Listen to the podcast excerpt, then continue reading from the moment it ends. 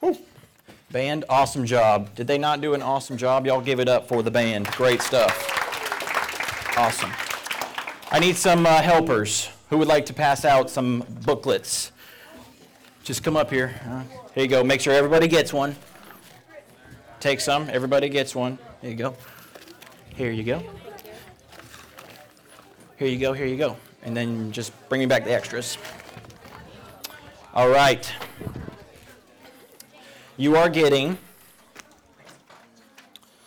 a booklet that is your note taking guide for this entire semester. All right? So the deal is this booklet, let me ha- let me hold one here. The presence of God. All right. All right, the booklet has you can just set the extras on the stage. That'd be fine. The booklet has each week's message scripture on the left side. So, like just inside the front page is today's scripture and a place for you to take notes. I have placed on the, set them on stage, on the four corners, there's a blue, the four corners of the section, there's a blue basket. Will you take that and pass that around? There are pencils inside. If you don't have something to write with, there's one under Juliana, and then you got that one. Just pass it around your section. If you don't have something to write with, use a pencil. I have sharpened every pencil. That's how much I love you people. All right? You know you're serving the Lord when you're here sharpening 100,000 pencils, okay? So they should all be sharp. If one is dull, it was not my fault. It was someone else's fault, okay? So as you're passing that around, here's how you can best use this book. Everybody listen. Here's how you can best use this book. All right, obviously we have the scripture here. So as we go throughout as we go throughout each message, I want to encourage you, highly encourage you, to mark up the scripture side of the book. Don't just look at it and take notes. As you hear words that are important or phrases that are important, circle them, underline them, okay? Highlight them. All right, make sure they stick out to you. As you hear uh, the points, and the points will even be on the screen, the main things of the message, write them down next to the scriptures that they go with. You know, make, make the scripture side yours. Does everybody understand what I'm saying? Make it yours. And the, one of the reasons I wanted to do this was to kind of help you guys be able to interact with your own Bible, okay, on your own when you read it for yourself throughout the week. I know some of us are skittish to write in our Bibles, all right? And that's fine. That's a personal preference thing. Um, but if you're hesitant, you don't want to touch it, you don't want to mark it, this kind of can get you uh, comfortable marking on the scripture. And then as you feel comfortable, you can mark in your own Bible. You can transfer these over to your own Bible, however you want to do it. This is here to help you. And then we have notes, uh, obviously, here. And then at the end of the message, every week, there's a little My Response section. And so the band will sing a song after I'm done. When we go to sing that song, before you stand up to sing, they're going to start the song, but before you stand up to join them, I want you to sit and consider how you are going to apply this message to your life and write that down in the my response. Does everybody does that make sense to everybody? And then you stand up and join us. So every message looks like that. It'll take us to Christmas. It's going to be awesome. All right? Every verse in James. And James is an awesome book. Okay, I'm so excited. All right, here's the deal. Um, what did you say when we asked the question, what would you work really, really, really hard to earn, achieve, that sort of thing? Yes, ma'am. You speak up. Ticket to Singapore? That's a long flight. One of the longest flights in the world is to Singapore. Did you know that? You did know. Okay, great. Lydia. Whoa, that's awesome. On what? Can you tell us? Can you tell us what the book would be? About magical Wolves, Magical wolves, yes. Everybody wait for Lydia's Magical Wolves series one day. Can't wait for that. Braden? A bachelor's degree. Admirable pursuit. Abby? General, to become a general surgeon. Yes, awesome. Ooh, three Olympic medals in swimming. Preschool teacher, excellent. A famous singer, Excellent. Anybody else? I want to, yes, ma'am. Um, to become a School counselor. Excellent. Admirable. Yes, sir. To get, see, no one said that. Earning up money to buy something. You want to buy a Ford GT, or do you want to build it yourself? Buy it. Okay, good man. Awesome. That's awesome. All right, here's the deal. Working, working really, really hard is a very good thing. All right? It just can't save you. Working really, really hard at something is important and essential in the Christian life. It just can't save you. Your church attendance, coming to church, is so wonderful and so necessary for your Christian walk. It just can't save you. Even the act of reading your Bible, the act of reading it, is essential and vital to your Christian walk. It just can't save you.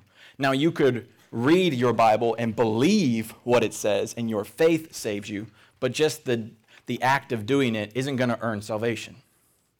Right? Only faith alone in Jesus Christ and what he has done for you can save you.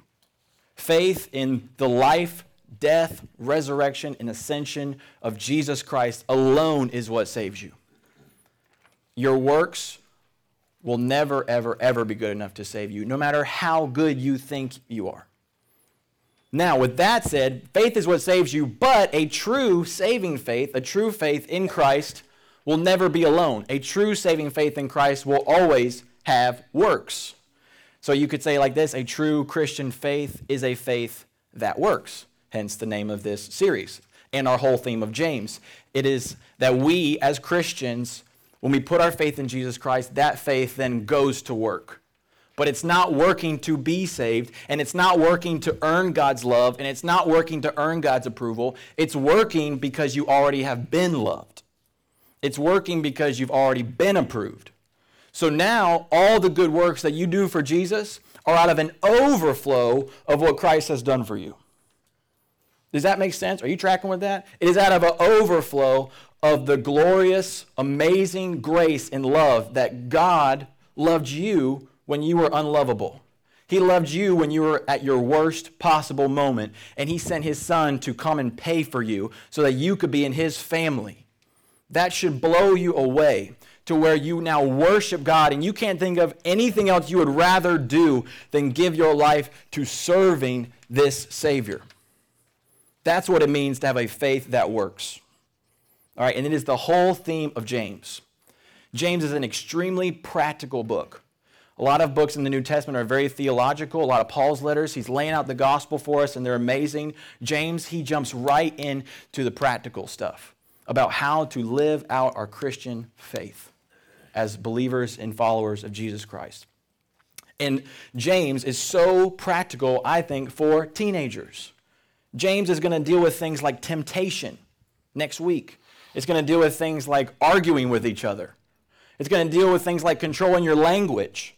It's going to deal with things like not loving the stuff of the world. It's going to deal with things like confessing sin to each other. Incredibly helpful, practical book for teenagers to live out their faith in Jesus Christ. All right, so we're not going to waste any more time. Use your booklet, follow along. Let's read James 1 to 11. Let's read James 1 to 11. It says this James, a servant of God and of the Lord Jesus Christ, to the 12 tribes in the dispersion, greetings. Count it all joy, my brothers, when you meet trials of various kinds. For you know that the testing of your faith produces steadfastness. And let steadfastness have its full effect, that you may be perfect and complete and lacking in nothing. If any of you lacks wisdom, let him ask God, who gives generously to all without reproach, and it will be given him. But let him ask in faith, with no doubting, for the one who doubts is like a wave of the sea that is driven and tossed by the wind. For that person must not suppose that he will receive anything from the Lord. He is a double minded man, unstable in all his ways. Let the lowly brother boast in his exaltation, and the rich in his humiliation, because like a flower of the grass he will pass away. For the sun rises with its scorching heat and withers the grass, its flower falls and its beauty perishes. So also will the rich man fade away in the midst of his pursuit. Let's pray, and then we will dive into this. Jesus, this is your word. Would you teach us what it means? Would you show us yourself, how good you are, how wonderful you are to us, and help us to apply this truth, your word, to our lives today? We love you in Jesus' name. Amen. All right. In verse 1, James kicks off the letter with a little greeting, and he tells us a lot about himself. All right, he says, James, a servant of God and of the Lord Jesus Christ. He calls himself a servant of Jesus Christ. Now, why is that significant? Because James is the literal blood brother of Jesus Christ. Many of you may not have known that about James. Our bro James was born second to Mary. James is the little brother of Jesus in the flesh. All right? So, can you imagine being the younger brother of perfect older brother Jesus? Think about that. All right? How annoyed you would be that your brother never sins while you sin all the time and you can't get your act together. All right? That is James. And James had uh, such a hard time with this that he actually rejected his brother while his brother was alive. He rejected him, uh, not as saying his brother, rejected him as God. He did not believe he was God. He thought he was crazy. He did not believe he was Savior and Lord. He thought his brother was losing his mind. It took James seeing Jesus after the resurrection to believe. And in 1 Corinthians 15, we actually see Jesus go to James intentionally and reveal himself to his brother. And his brother believes that he is Lord and Savior, and it transforms his life. The gospel transformed James to where now he's not saying he's the brother of Jesus, he's saying he's a servant of Jesus. I have an older brother, David. What if I wrote a letter and I was like, servant of David Young? That would feel really strange, right? But James did that because he no longer saw himself as anything other than a, a servant to the Lord Jesus Christ. That is incredible. The gospel takes you and makes you a servant. That is your identity. And you notice he doesn't even name drop Jesus in the greeting. Like if you were writing a greeting and you wanted some credibility, some street cred, wouldn't you write, if I was writing this, Mark, the blood brother of the Savior of the world? The creator of the universe is my sibling. What's up? That's how I would start the letter. Listen to me, all right? I'm a big deal. James doesn't talk like that because he doesn't consider his name as anything. He only considers Jesus' name as everything. He's a servant. So that's James. The gospel transformed his life. Then he gives us the audience and he says to the 12 tribes of the dispersion, so the dispersion, uh, these are the uh, Jewish Christians that were dispersed. They were persecuted when the gospel was spreading, Christians were persecuted in Jerusalem, and then the Jews were scattered all over outside Jerusalem in the surrounding area. So this was a letter written to those churches and their Jewish Christians. And they were persecuted. They had a lot of stuff taken away. They had to flee their homes. So they're poor, they're low in status, okay, and they're mistreated by society.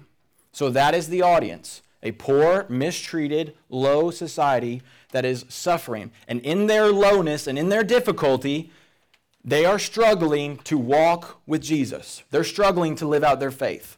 Now, this should not be hard for you and I to understand.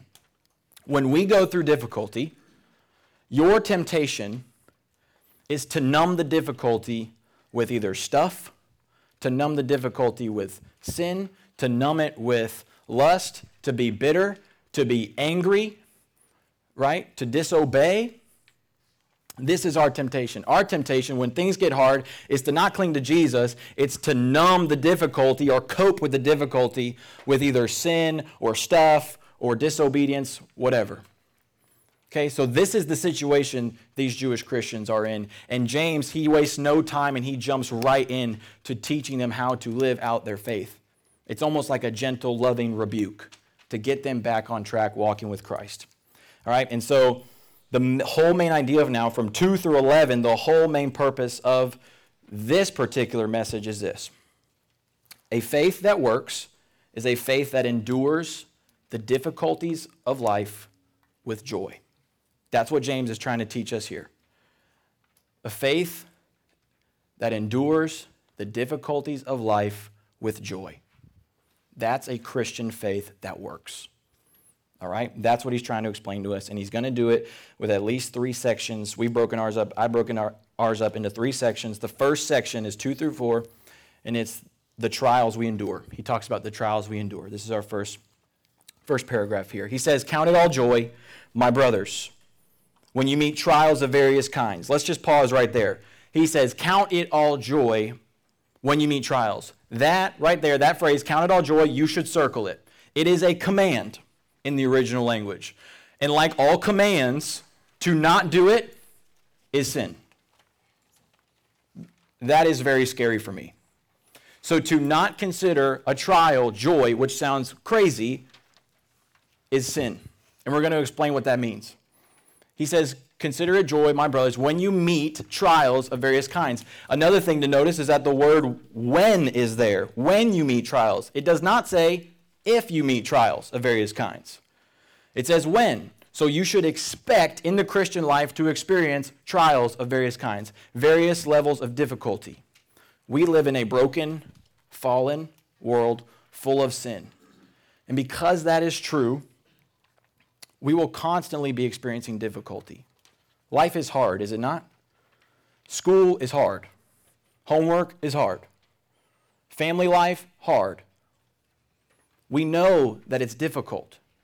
All right, so this is not hard for us to understand when you experience trials of various kinds. And you get this idea of various kinds. He's saying that th- this various kinds word, this phrase, is describing any difficulty. It's not even a specific kind of difficulty. You don't have to go to Africa to serve Jesus to experience the difficulty he's talking about. Various kinds. Anything that is a struggle, anything that is a trial is what we are talking about here, and we are to count it as joy. All right, now that sounds crazy to us. Why on earth, why on earth would we have this command to consider our trial joy? Trials are awful. Difficulty is awful. There's nothing joyful about the trial. So, what is James talking about here? Well, I don't think James is saying that we need to suck it up and put on a fake smile as we go throughout our difficulty. I don't think that's what he's saying. In fact, I know it's not because the rest of the Bible would not teach us to put on a fake smile because Christ has commanded you to have joy, so I'm just going to fake it till I make it. That's not what he's talking about. He's not talking about a feeling, he's talking about how you think about your trial. Right? It's about how you think, how you consider your trial that you're entering. You are going to, if, if you experience loss, loss of a loved one, and you go to a funeral, it's a time to mourn and grieve. All right? There is nothing, you don't, you don't have to put on a fake smile as if everything is okay, because that is not necessarily the time to do that. In fact, Jesus, when his friend Lazarus dies in John chapter 11, Mary and Martha's brother, he doesn't walk up and say everything's fine. He doesn't even walk up and tell them God's plan. He weeps with them, he cries.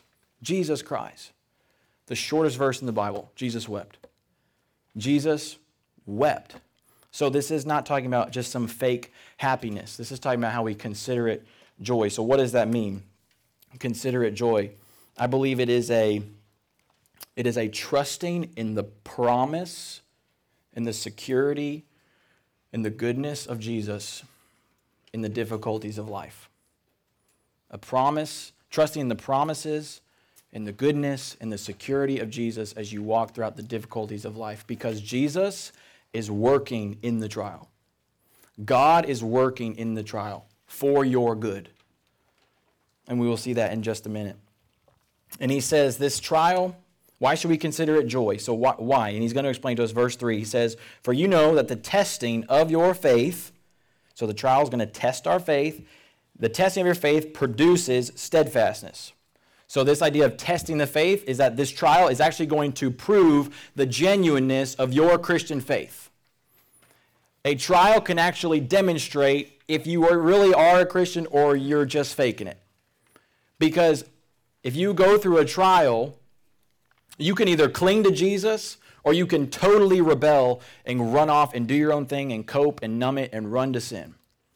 And you may demonstrate to the world that your faith was not genuine at all, or God is testing your faith to prove and refine and transform your faith and the genuineness of your faith. It's not saying that you struggle perfectly every time. but it's teaching you to cling to Christ, where to run when you go through a difficulty. And it says this testing produces steadfastness.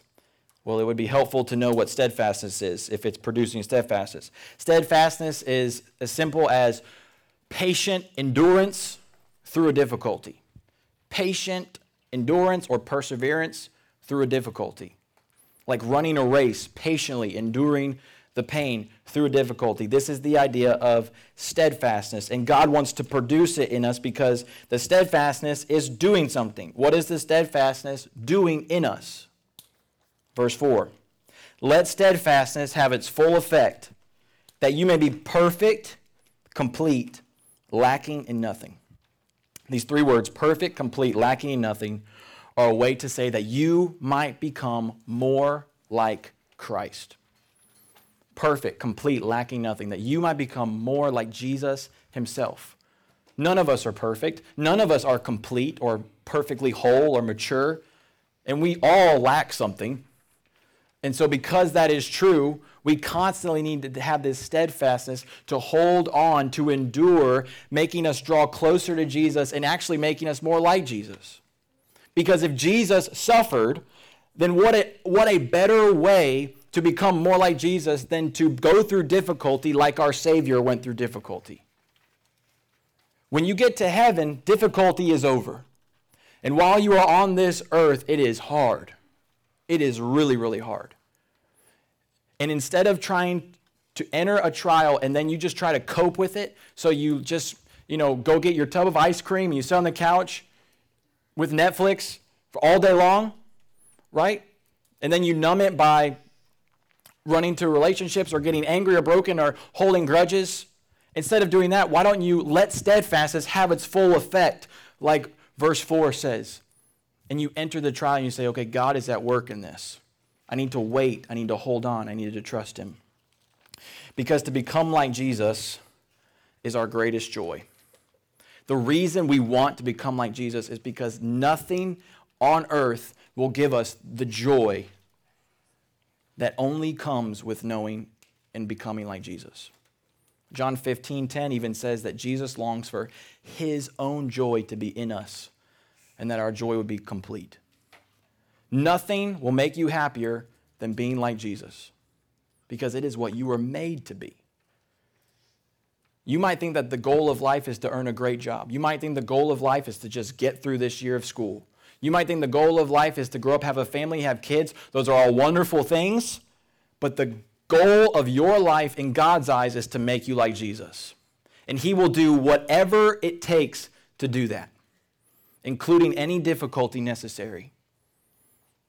And we need to let steadfastness take full effect in us so that we can have that lasting joy that comes only by being like Jesus. Um, a good example I can think of is uh, recently, 11 days ago, my wife gave birth to our third baby, Zoe.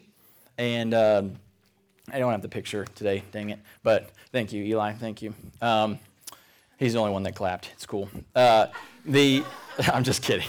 Uh, so she gave birth to our baby Zoe, and there's a not uh, much more of a helpless feeling than sitting next to my wife during her labor. Okay? Like she is she is going through excruciating pain. All right? And all I can do is sit there and try to help her, ease her mind, help her breathe. And it is it was incredibly painful. And this one in particular was really, really painful. And it was very hard to watch. But the pain produces joy once the baby is born. Okay? And so the only thing I can do is I was sitting next to her reminding her, Renee, it's only temporary. It's going to be over soon. It's going to be over soon. All right? And I'm just trying to ease her mind, keep her at peace, help her breathe. We had like breathing signals. We were all over it. I gave her the two sign, the one sign, the three sign. We, we, had, a, we had a rhythm going, you know? Third child in three years, you got it. You get a rhythm, okay? And so, and so we were rolling, man. And all I can do is help remind her it's only temporary. This isn't going to last forever. We're going to have the baby soon. And then at nine o'clock, all labor pain over. And it's crazy how you can go from such pain to such joy in 10 seconds. Because when the baby is born, the pain ends and you completely forget about the pain because now the baby is here. And we get to rejoice in the baby being there now. And it's, it, it's incredible. And the same thing is true about the difficulties in life, okay? It is extremely hard, but endure because it's producing joy. It is temporary, it won't last forever. Hang on because joy is coming, Christ likeness is coming. All right? I want to uh, uh, read for you. If you have your Bibles, I don't have this on the screen, but if you have your Bibles, you can go to Romans chapter uh, 5, verse 3. And I just want to show you how this works itself out. Uh, Romans chapter 5, verse 3 says, And not only that, but we rejoice in our sufferings and the word suffering is the same exact word as trial. Knowing that our suffering produces endurance, endurance produces character, and character produces hope. So you could even say produces steadfastness, and steadfastness produces Christ likeness, and that Christ likeness produces hope. And hope doesn't put us to shame because God's love has been poured into our hearts through the Holy Spirit who has been given to us. And God's love is demonstrated to us by helping us endure, helping us become more Christ like, so that we can look like Jesus and have the joy of Jesus. And through that, we see in here, we experience God's love being poured into our hearts through the Holy Spirit. This is incredible. So, in order to be steadfast, I think three words would help us to be steadfast in difficulty. These three words I think would help us the words wait, trust, and cling to help us be steadfast. Wait, trust, and cling. In the trial, we need to wait that we need to wait on Jesus to carry us through. We need to trust that Jesus is at work in the trial for our good and for our joy. And we need to cling to him. I'm not going anywhere. I'm not going to run to sin because Jesus is at work. I'm going to cling to Jesus. Wait, trust, and cling. It will end and it will produce joy. Do you believe that? Because it is promised to you in Scripture. Hebrews 12, if you're in James with your Bible, you can go two pages backwards to Hebrews 12. Hebrews 12, verse 1 says this Therefore, since we are surrounded by so great a cloud of witnesses, let us lay aside every weight and every sin which clings so closely, and let us run the race with endurance set before us, looking to Jesus, clinging to Jesus, the founder and the perfecter of our faith. And look at our example of who endured with joy, who for the joy set before him, Jesus, endured the cross. Jesus endured with joy for you so that you could know him through his death and through faith in him. And if our Savior considered his suffering, the greatest suffering in the history of the world, being completely humiliated on a cross for you, if he considered that joy and the joy is actually what drove him to the cross to save you, then how can we, who go through these little minuscule sufferings compared to Jesus' sufferings, how can we not consider our suffering as an opportunity for God to produce joy in us? That's what God is doing. He wants to make us like Christ. Endurance in the trial produces joy. All right? Now, this is hard as a Christian, so we need to move on to our next paragraph, and we need to talk about the wisdom we need. That's the second point of the message. We need to talk about the wisdom we need, and James tells us. He says in verse 5, in your booklet there, if you lack, if any of you lacks wisdom, let him ask God, who gives generously to all without reproach, and it will be given him.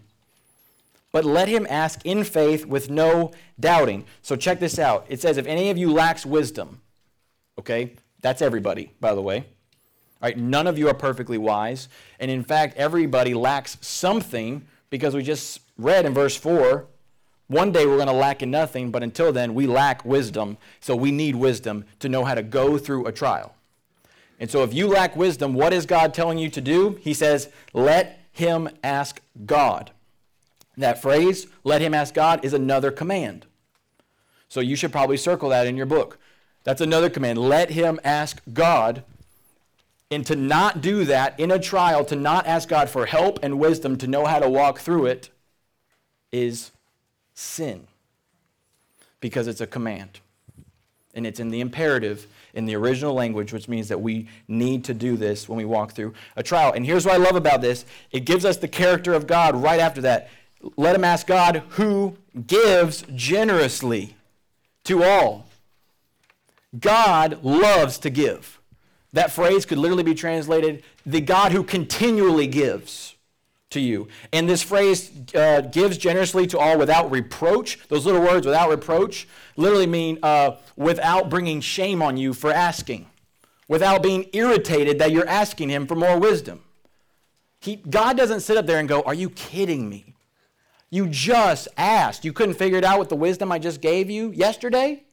I gave you wisdom, you blew it. Now you're coming back again, always coming back. God does not do that. We do that. God doesn't do that. God is not annoyed by your coming to Him, ever. If you are His child, you have the same access to God as any child to a loving Father. And He is never, ever annoyed by your coming to Him. In fact, He commands that you come to Him for wisdom. And He says He will give you wisdom. And He says in verse 6 let Him ask in faith. Let him ask in faith with no doubting. So the idea here is that we, when we ask for faith, we actually need to believe that God's going to give it to us. We actually need to believe and trust that when we ask for wisdom, God will actually give us wisdom and help that we need to know how to walk through the difficulty that we're going through. He says, with no doubting. For the one who doubts is like a wave driven and tossed by the sea. For the person, that person who doubts, must not suppose he will receive anything from the Lord he is double minded, unstable in all his ways. Now, I don't think it's right to say that James is saying that we have to have perfect faith every time we pray. Well, we know we're not perfect. We'll never have perfect faith. And he's not saying you can't struggle with like doubt in general. There was a period in my life where I, for about four years where I struggled with intense doubt about a lot of different things. And I was constantly coming back to Christ over and over again. Doubt is a very normal part of the Christian life that Jesus will see you through. He's not talking about you can't struggle with doubt. He's not saying you have to have perfect faith. What he's talking about here, these people are people that are like two faced. They're basically saying they trust God, they're praying words, but their actual lives demonstrate they actually don't trust God. Their lives are inconsistent with what they say. Many of you in this room may be living that kind of life a life where you're saying one thing, you might be praying words, but you actually don't ever really trust God with your life, trust Christ with your life. And maybe tonight you need to just kind of repent of some things and confess some things in order to get right with Jesus. He is so gracious, He's so loving, He will lavish His forgiveness and grace on you if you do that tonight. When we're going through a trial, we are tempted to numb it with sin being angry, lashing out at our parents, running to lust, withholding forgiveness. Maybe you get on your Snapchat and you just blast off how mad you are, or about woe is me, self pity, pity party, about how you're suffering so badly. That is not what the call is. The call is to run to Jesus and ask God for wisdom. What you should do instead is come to Jesus and stop and say, God, I need help. I need wisdom. I'm tempted to run away from you. I'm tempted to numb this difficulty. I need you. I need you. I need you to help me know how to handle this. I, know, I need you to help me properly think about this. I need you to help me interact with this person. I need you to help me cling to you. That's what it means to pray for wisdom. And we are commanded to do that. And God will give it, and He promises to give it. Let me give you an example. Um, let's say you're in a fight with a friend. I'm not talking about fist fight. An argument, okay? Let's say you're in an argument with a friend. All right, kind of an ongoing argument. And uh, this is obviously a difficulty. You can consider this a various trial. All right? And let's say that person does something, you know, to hurt you or, you know, stabs you in the back or something like that. And everything in you wants to rebel wants to blast him or her, wants to defame their name or, you know, bring all kinds of uh, poor reputation upon them or uh, withhold forgiveness or hold on to a grudge or be bitter. Everything in you wants to sin and handle it wrongly. And instead of doing that, what you should do is stop and say, Jesus, I need help. I need wisdom. I don't know how to handle this. I don't even know how to pray for this. Will you help me? Will you help me cling to you? Will you help change his heart? Will you help me seek peace and reconciliation, even though I don't think it's my fault? Will you help me seek peace and own up to everything that is on my side, or even more so than what's on my side? Help me to do everything I can to make peace with this brother or sister because I want to be united. Will you help me figure this out? And God promises that He will give it generously to you. We need to run to Jesus and ask for wisdom. And then there's one more thing to help us endure. And it is to remember the riches we have. This is our third point the riches we have in Christ. And we have this in uh, verses 9 to 11. Let's look together there in your booklet, in your Bible. Let the lowly brother boast in his exaltation, in the rich in his humiliation. Because like a flower of the grass, he will pass away, the rich will pass away. For the sun rises with its scorching heat and withers the grass. Its flower falls, its beauty perishes. So also will the rich man fade away in the midst of his pursuits. Now, this, this is kind of a weird first two sentences, I think. Let the lowly brother boast in his exaltation, and then let the rich man boast in his humiliation. Like, what are we talking about here, James? Like, what are you saying? Let the, okay, so remember, we're talking, he's talking mostly to lowly, poor, uh, mistreated people. So when he's talking about the lowly brother, he's talking to that group. And he says, in order to help you endure, you need to boast about who you are in Christ. Because the reality is, while you don't have much uh, material wealth and stuff and comfort, in the family of God, you are rich.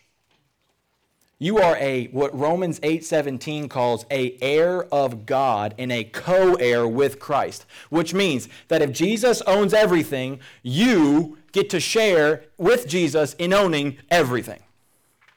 Now that is weird to think about, is it not?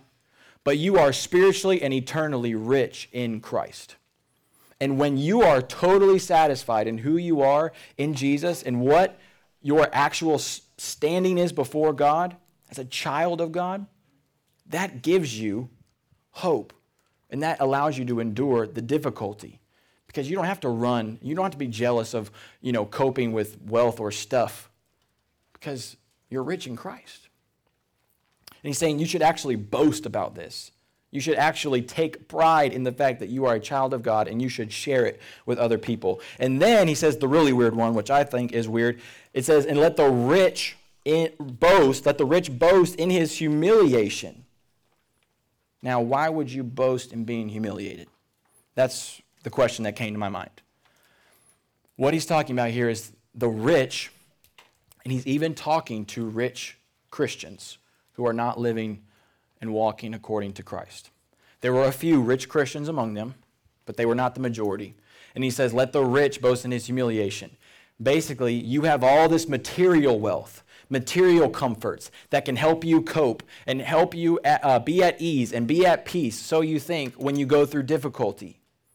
But what you need to remember, rich brother, is that you are spiritually nothing without Jesus. You need to remember who you are without Christ. Because Matthew 5 3 says, The poor in spirit will enter the kingdom of heaven.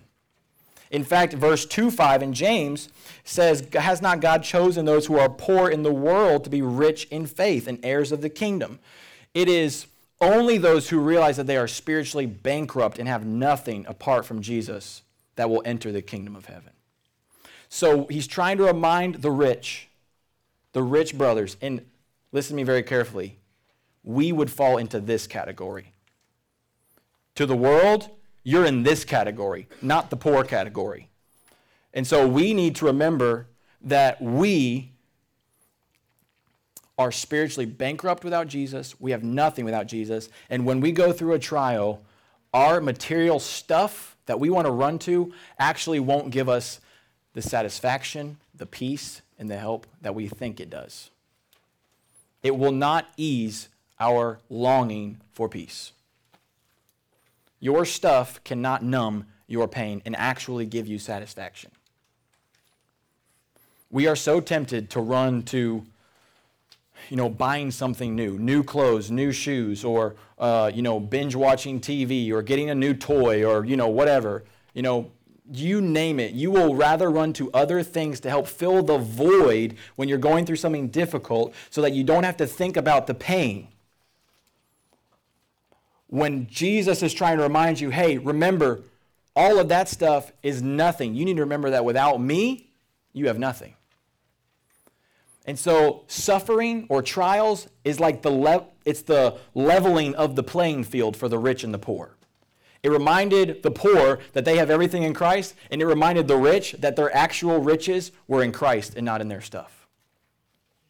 And he says that the rich brother will actually fade away in the midst of his pursuits. If you are pursuing stuff to fill the void, then you're actually going to fade away while pursuing it, in the midst of, in the middle of. Because stuff can never satisfy you. You will always be chasing it if you're trying to be satisfied. It will always bore you. Uh, once you've worn shoes for two years, you're done. You want something new. You want new clothes right? You want to watch a new show. You want to read a new book. You want to watch a, some of you are like, I don't want to read books. You want to do something new, right? But the stuff will not last, it will not satisfy you. Only Jesus can satisfy you. Every commercial, every commercial you see is geared on telling you that you're miserable without their product. You are miserable and not happy by these jeans. You are miserable if you don't have this vacuum cleaner. You are miserable if you don't watch this TV show. You are miserable if you don't go see this movie. You are miserable if you don't have these shoes. You are miserable if you don't have this makeup or this haircut or whatever. You name it. That's the message of the world. And guess what? Stuff will never, ever, ever satisfy because it never was meant to, because Jesus is better than everything. Jesus is better than everything, and He's the only one that can satisfy the longing in your heart. And so when we remember that we have nothing without Jesus, this allows us to endure. 2 Corinthians 8 9 says this For you know that the grace, you know the grace of our Lord Jesus Christ, that though he was rich, yet for your sake he became poor, so that by his poverty you might become rich. You are rich in God. You are rich with Christ. You share everything that He owns. And the only way you're going to be able to endure difficulty with joy is through the gospel. It is only by the blood of Jesus that you're able to count your suffering as joy. It's only by the blood of Jesus that you can go to God and ask Him for wisdom. Unbelievers don't have that access. But Jesus and what He's done for you gives you that access. It is only by the life and the blood of Jesus in your place that you are able to boast in the riches you have with Christ. Maybe you're here and you don't walk with Jesus. I don't know every one of you, and I don't assume ever anything, but you just aren't walking with Jesus, or you just don't know Jesus, and you've never trusted and put your faith in Jesus to save you, to have this kind of access to God, to walk with joy in trial. And you don't know what that's like, and in a moment when we do the response time during the song, you just need to call out upon Jesus, maybe even write it down, and you say, Jesus, I believe in you. I believe that you can save me. Save me. And He will, and He will give you eternal life. And everyone else who's a believer, we just need to be reminded of the grace in Jesus, the grace that is found in Jesus alone over our sin to help us endure difficult days because every day is hard. Will you bow your heads with me?